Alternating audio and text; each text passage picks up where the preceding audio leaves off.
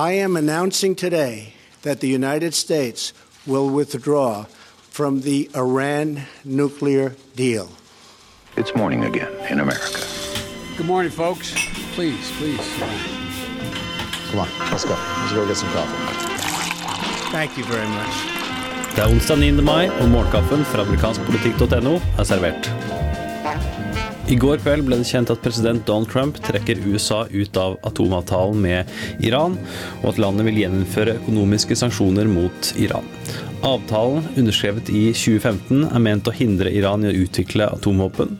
Den gjorde det bl.a. mulig for internasjonalt innsyn i det iranske atomprogrammet, i bytte mot at internasjonale sanksjoner ble hevet. Det tok flere år å fremforhandle avtalen, og i tillegg til USA var altså Russland, Frankrike, Storbritannia, Kina og EU med i forhandlingene.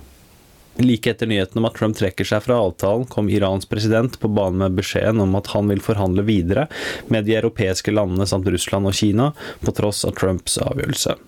I havet av reaksjoner på dette er det noen fellestrekk blant de som mener at å trekke seg ut av en atomavtale er lite gjennomtenkt, ikke minst fordi USA er midt i en annen forhandlingsprosess om nedrustning med Nord-Korea.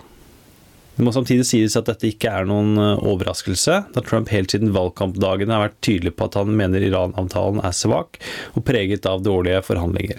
Han har blitt overtalt av sine egne flere ganger om å videreføre denne avtalen, men nå er det altså nok. Men hva planen nå er, er ikke like klar. Ingen klar plan B. Kan høre kort hva Trump hadde å si om det i går. But the fact is, they are going to want to make a new and lasting deal. One that benefits all of Iran and the Iranian people. When they do, I am ready, willing, and able. Great things can happen for Iran, and great things can happen for the peace and stability that we all want in the Middle East. Det var primærvalg i Indiana, North Carolina, Ohio og West Virginia i går. Det er bare å gå på amerikanskpolitikk.no for full oversikt over resultatene. Jeg kan ta for meg noen av de mest sentrale aller først, her i Morgenkaffen. Den republikanske senatsnominasjonen i Indiana ble vunnet av forretningsmannen og tidligere delstatsrepresentant Mike Brown på republikansk side, han skal nå møte senator Joe Donnelly, demokraten, i november. Donnelly er en av de mest utsatte demokratene i høst, ettersom han da stiller en konservativ delstat som Indiana. I Ohio så ble den republikanske senatsnominasjonen vunnet, som forventet, av kongressmann Jim Renacci.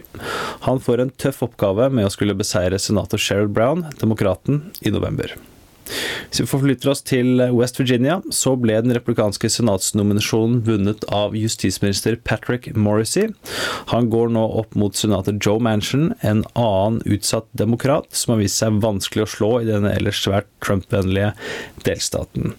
Det innebærer at Don Blankenship, den mange republikanere fryktet skulle vinne, altså ikke klarte å nå fram der. En meget kontroversiell kandidat. Vi kan høre kort hva Blankenship hadde å si i natt. I, uh, you know, I'm being asked, of course, whether uh, some of the things we did, whether it's uh, cocaine Mitch or whether it's uh, uh, some of the other criticisms of Mitch McConnell or whether it's China people made the difference. I really don't think so. I think if there was any single factor based on the polling at different times, the debate, and all the things I saw, it was probably more likely President Trump's, uh, I don't know, lack of endorsement, I don't know what to call it, but don't vote for Don tweet. But then again, I can't, I can't justify that uh, with any analysis or any actual numbers. Dagens utgave av Målkaffen er servert av Caroline Heien og undertegnede Are Togflaten. Du leser mer om disse og andre saker på amerikanskpolitikk.no. Få også med deg 2020-spesialen av Ambulkast, der Henrik Heldal og Våren Alme snakker om de mange potensielle presidentkandidatene i 2020. Vi setter stor pris på om du gir oss en anmeldelse der du hører på, sånn at vi kan nå enda flere. Takk for at du gjør det, og så snakkes vi i morgen.